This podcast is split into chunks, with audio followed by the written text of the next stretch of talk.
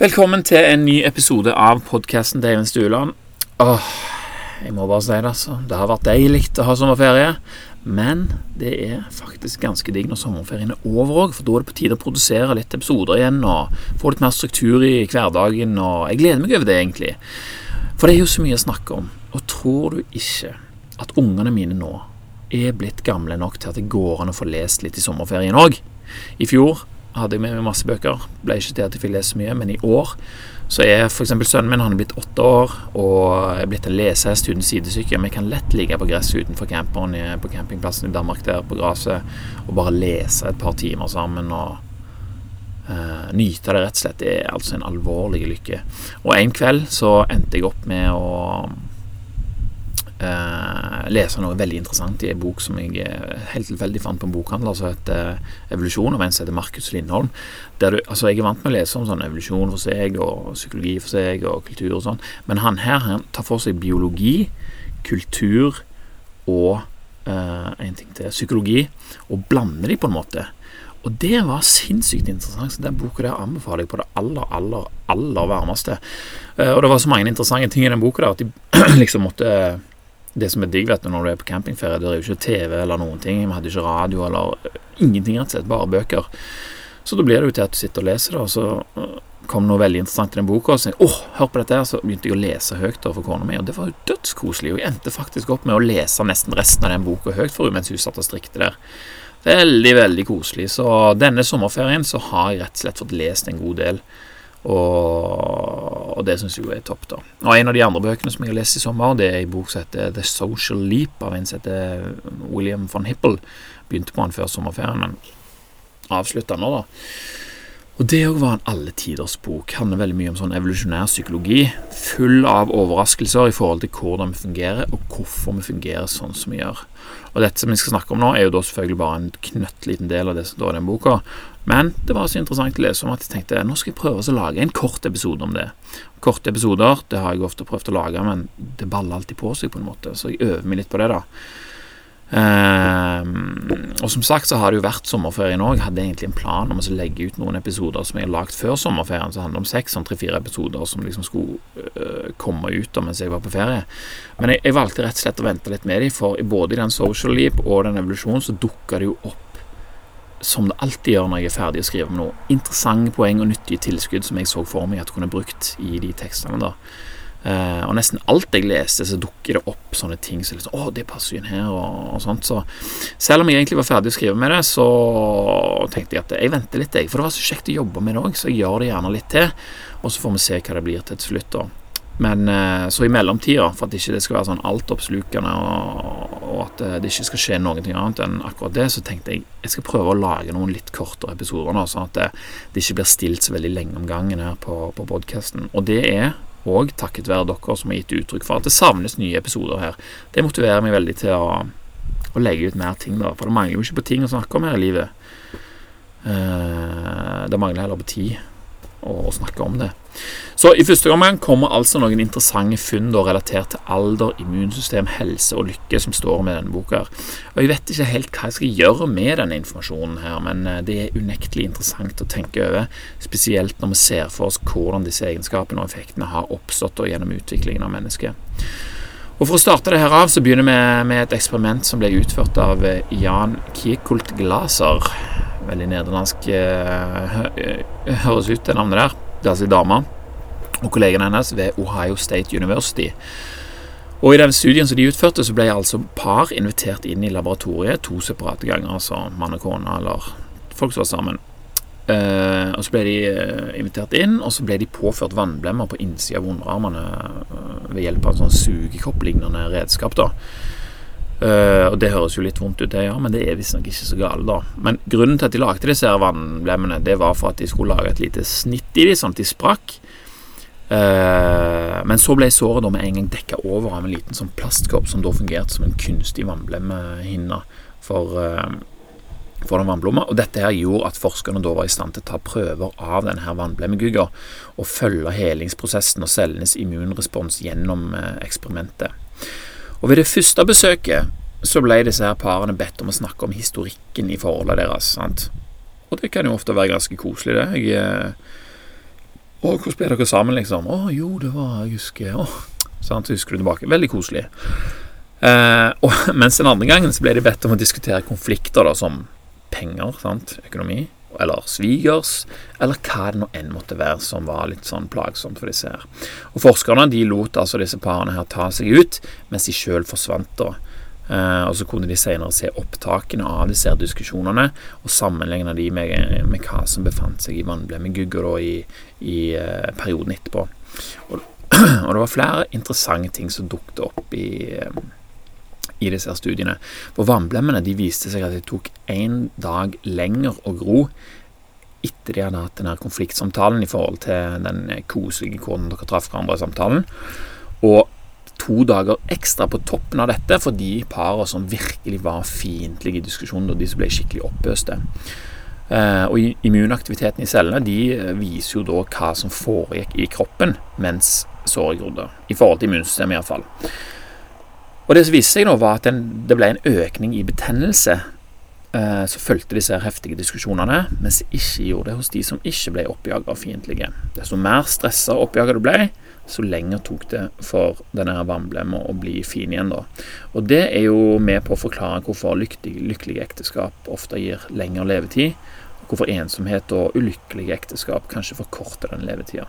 All krangling og fiendskap som vi produserer oppi hodet vårt, det har sin pris, rett og slett. Og det er cellene våre som ender opp med å lide for de tankene.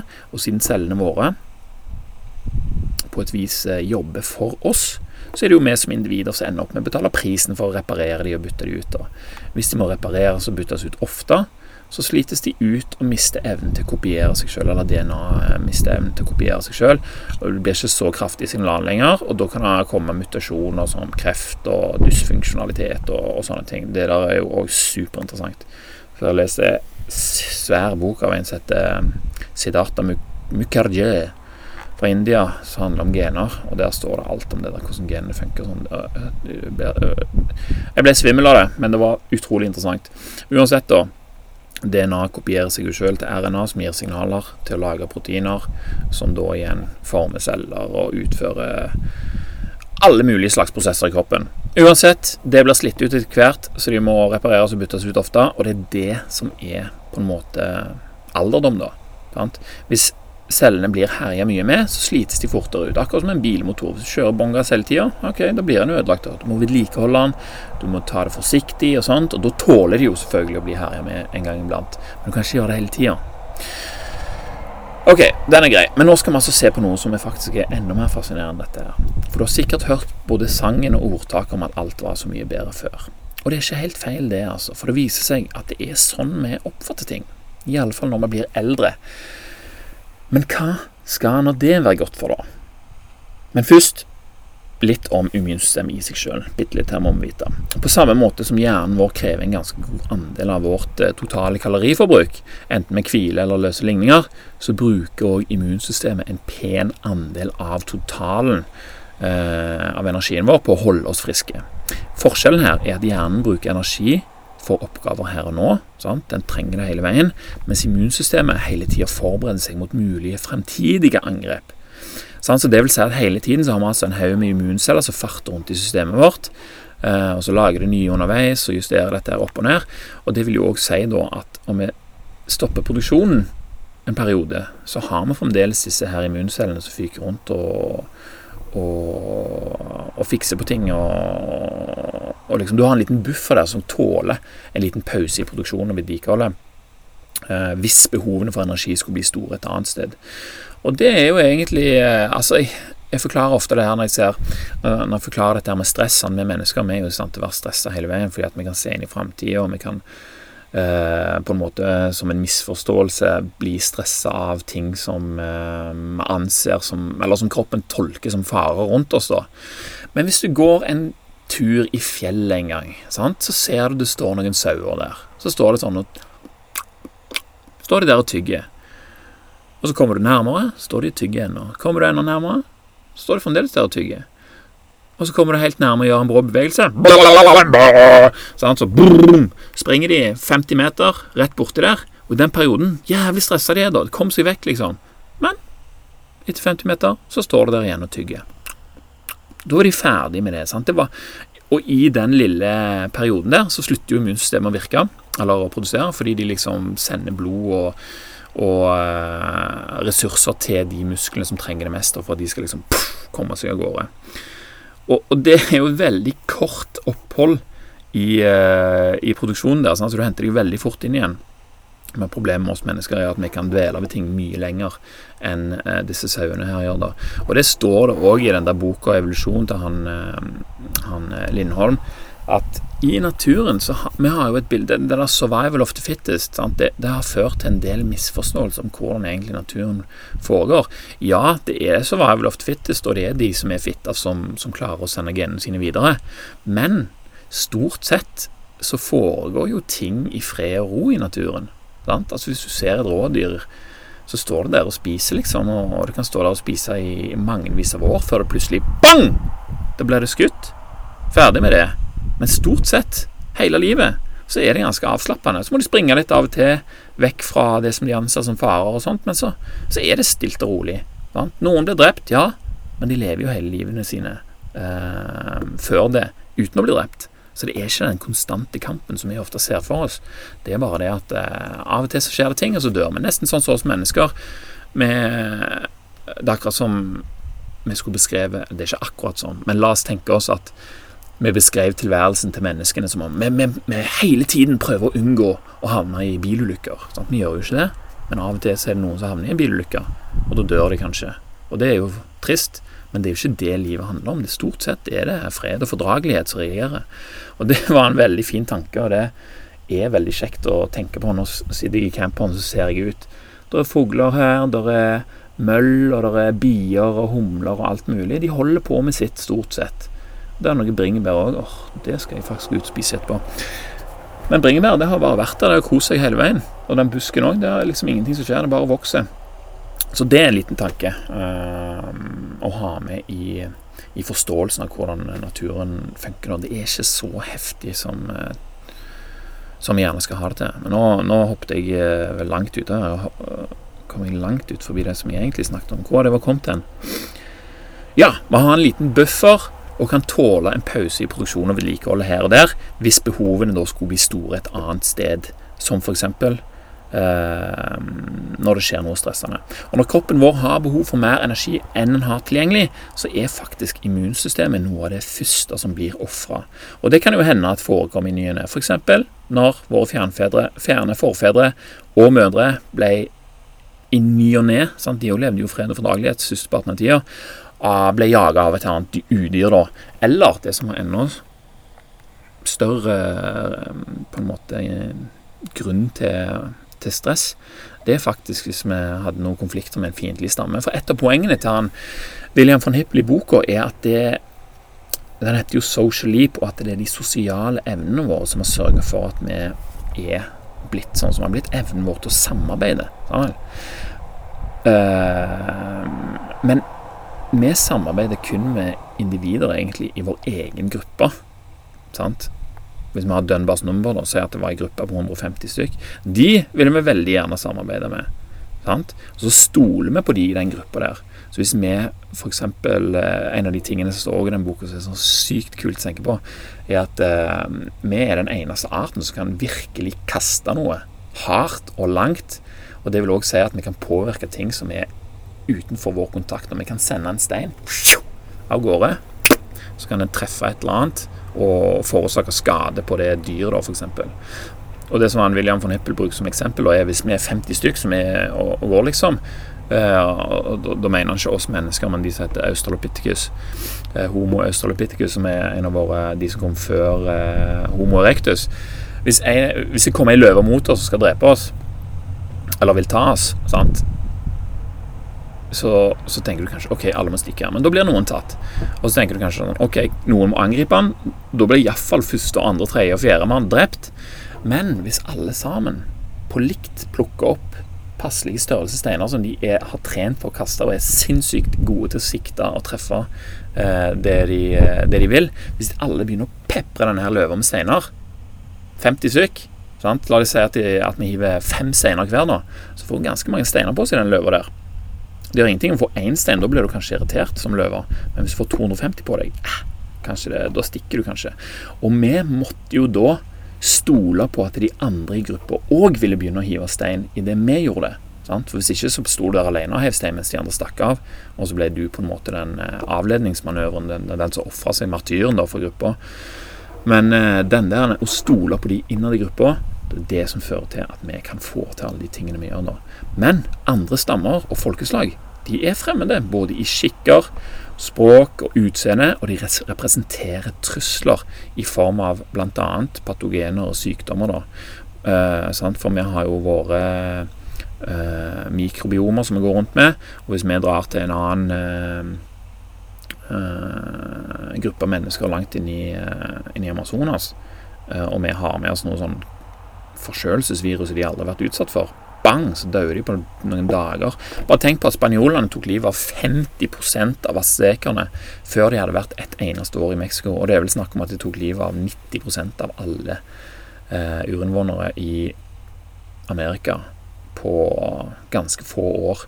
Eh, nettopp pga. dette her.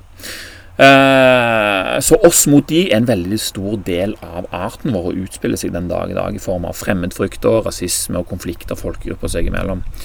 Eh, men det òg var en liten avsporing. Eh, tilbake til poenget. Når vi blir jaga, og vi føler at vi kommer til å dø, og vi ikke gir alt, så blir det litt for dumt sant? hvis vi bruker kapasitet på å forberede oss på at vi kanskje blir forkjølte i morgen eller neste helg. Alle tilgjengelige ressurser går til det som kan redde oss Beina for å springe av gårde, armene for å kaste stein, kjevene for å bite de vi slåss med. Alt ettersom hva behovet er. Og På denne måten her, så klarte vi kanskje å overleve den umiddelbare faren. Og vi da kunne gjenoppta vedlikehold av immunsystemet vårt akkurat som sauen sant, når faren var over. Og vi var i et annet humør og, og childan, liksom. Fred og fordragelighet, som Lindholm sier. Men eh, som vi ser, så er det altså blitt sånn at det er vårt humør og vår situasjon og hva vi føler er med på å avgjøre hvordan immunsystemet fungerer. Ganske så fiffig. Dårlig humør eller stressende situasjoner der fight or flight-responsen overtar, tilsier altså at vi bør spare på ressursene vi bruker til immunsystemet ikke bare immunstemmen, men fordøyelsen den forsvinner. Samtidig så dras blodet inn fra de ytterste små blodårene, sånn at kapillærene og kroppens indre inneholder plutselig dobbelt så mye blod som vanlig. Og Det vil jo da også si at eh, langs huden er det veldig lite blod. og Dette er jo da en funksjon som har oppstått for at vi skal miste At hvis vi skal være så uheldige og skade oss i huden i en konflikt eller eh, en, en situasjon, så, så, mister vi ikke så mye blod og øker sjansen vår for å overleve. Det er ganske vilt. Prefronten cortex vår eh, trofaste, logiske venn, blir òg tappa for blod, og vi mister evnen til å tenke rasjonelt, samtidig som det blir umulig for oss å lære noe og ha meningsfulle samhandlinger med andre. Vi handler mye mer instinktivt, og når kroppen vår skjønner at faren er over, da kan vi gjenoppta vår fredelige tilstand av det som de kaller for rest and digest. Og I denne tilstanden så pusses og fikses immunsystemet kontinuerlig. Glade, fornøyde og friske mennesker som tåler en infeksjon og to. Men nå over til hvorfor gamlinger tror at alt var så mye bedre enn før. Både gamle og unge ble tatt inn i laboratoriet til von Hippel og hans eh, ph.d.-student Elise Kalokerinos. Han, eh, von Hippel arbeider i, eh, på et universitet i Australia. Men uansett, disse gamle folka ble jo presentert for koselige bilder, som f.eks. valper i ei korv. Å, oh, ei korg. Det er koselig, det. Og mindre koselige bilder som flykrasj og andre ubehageligheter. Og de deltakerne som var over 65 år, de hadde altså en tendens til å huske koselige valper bedre enn flykrasj. Mens de som var yngre, de husker liksom begge deler ganske likt. Da eh, så altså, ok, da får vi altså bekreftelse på at disse gamlingene syns faktisk det var veldig digg under krigen, akkurat sånn som de eh, forteller. Men hva for en fordel har gamlinger av å være så fornøyde med gamle dager? Eller huske, eh, huske, positive ting fra, fra, livet deres. De eldre deltakerne ble jo bedt om å, å returnere til laben etter ett og etter to år for å teste immunsystemet deres etter de har blitt vist disse bildene. Da. Eh, og da ble de jo rangert etter hvem som husker positivt og negativt. Immunsystemet er veldig stort og kompleks, men en fin indikator på funksjonaliteten av immunsystemet er ei hvit blodcelle som da heter CD4 Og det, eh, de cellene gir signaler til noen andre hvite blodceller som kalles B-celler. Og B-celler produserer antistoffer når de får signaler fra CD4 pluss om at de trenger det, da. Eller at det er en invasjon på gang. Så det som Elise fant ut, da, det var at de som huska flest positive bilder og minst negative bilder, det var de som hadde størst forekomst av CD4 pluss og lavest CD4 pluss aktivitet. Sant? Og høy CD4 pluss forekomst er en indikasjon på høy immunberedskap, mens høy aktivering av CD4 pluss indikerer at systemet er opptatt med å hanskes med infeksjoner og sykdom. Sant? Så før CD4 pluss blir aktivert, og hvis du har mye CD4 pluss, men den ikke er aktivert, så er det altså et tegn på at du har et ganske robust immunsystem som er klar for å ta seg av eventuelle ting som kommer da. Og De gamlingene som husker positive ting, de hadde robuste immunsystem. Og Dette tilsier jo at gamlinger tjener på å huske og fokusere på de gode tingene i livet. Og Hvis vi ser oss tilbake til når vi bodde i skogen for 50 000 år siden, så kan vi jo se for oss at friske, engasjerte og glade besteforeldre som så lyst på livet, de hadde levd, Eh, at det òg var noe som ungene og barnebarna til disse folka her tjente på. For hvis gamlingene var friske og glade, så var de jo i bedre stand og var jo mer motivert til å hjelpe sine barn og barnebarn. Og dette tjener jo igjen genene til disse besteforeldrene og ungene og barnebarna deres på, siden det da øker sjansen for videreføring av genomet til neste generasjon. Sant? Og Dette jo, av, bekreftes av andre studier som sier at å være lykkelig er godt for helsa. Og det er et viktig bidrag til kapasitet over en lang levetid. Mennesker generelt tåler bedre infeksjoner, og sårene deres heles fortere om de er tilfredse i livet og har god sosial støtte rundt seg. Besteforeldres funksjon hos mennesker er ganske unikt og kan bevises med at vi er den eneste arten som lever betydelig lenger enn hvor lenge det er mulig for kvinner å få avkom. Da, Vi kommer jo i overgangsalderen. Og kvinner som lever i naturen, som f.eks. kongjegere Jeg klarer ikke helt å lage den lyden. Kong, kong. Eh, jegere og sankere de kommer i overgangsalderen når de er sånn rett over 40, men de lever til de er godt over 70. Sjimpanser de òg mister muligheten til å få barn i 40-årene, men de dør òg rett etterpå. Sant? Og de aller fleste andre arter har en tendens til å dø istedenfor å komme i overgangsalderen. Så dette har jo tydeligvis hatt en funksjon, da. Eh, nå kom jeg på noe helt sykt òg om gener i forhold til dette, her, men jeg kan ikke gå inn på det nå, for da roter jeg meg vekk. Men så Vi som ikke ennå er blitt gamle, vi kan jo ha dette her i bakhodet, da når vi tenker på hvordan vi skal ha det når vi bikker 65. Det er mindre risiko for å dø av å overspise, røyke eller drikke sammen med venner enn det er å sitte hjemme alene og være bitter når vi når den alderen. Det er ganske sykt å tenke på. Så det er jo best å holde kontakten da med gamle kjente, som ikke går glipp av denne moroa her. Litt grann senior-fomo, rett og slett. Eh, kan være en fordel eh, å ha i bakhodet for oss. Sånn at vi holder oss fornøyde at vi kan hjelpe ungene våre, at vi kan hjelpe barnebarna våre. Og dermed òg da selvfølgelig øke sjansen for at eh, genene våre lever videre lenge etter vi har forsvunnet. Det er jo det genene har lyst til, og det er òg dermed det vi har lyst til. Og det var litt om eh, positivitet og immunstemme. Og eh, da sier jeg bare takk for meg, og takk for nå, og takk til deg som hørte på. Så snakk Å, forresten! Jeg kom på en ting. Det som jeg oppdager, er at nå kan du høre òg på podkasten på Spotify. Vanligvis nå så har de jo bare lagt ut på Apple iTunes og, og noe som heter Stitcher. Men nå finnes de altså på Spotify òg, så hvis du har Spotify, så kan du finne meg der. Greit, da snakkes vi neste gang. I mellomtida får du kose deg masse. Det er fremdeles sommer, og det er bare til å nyte det.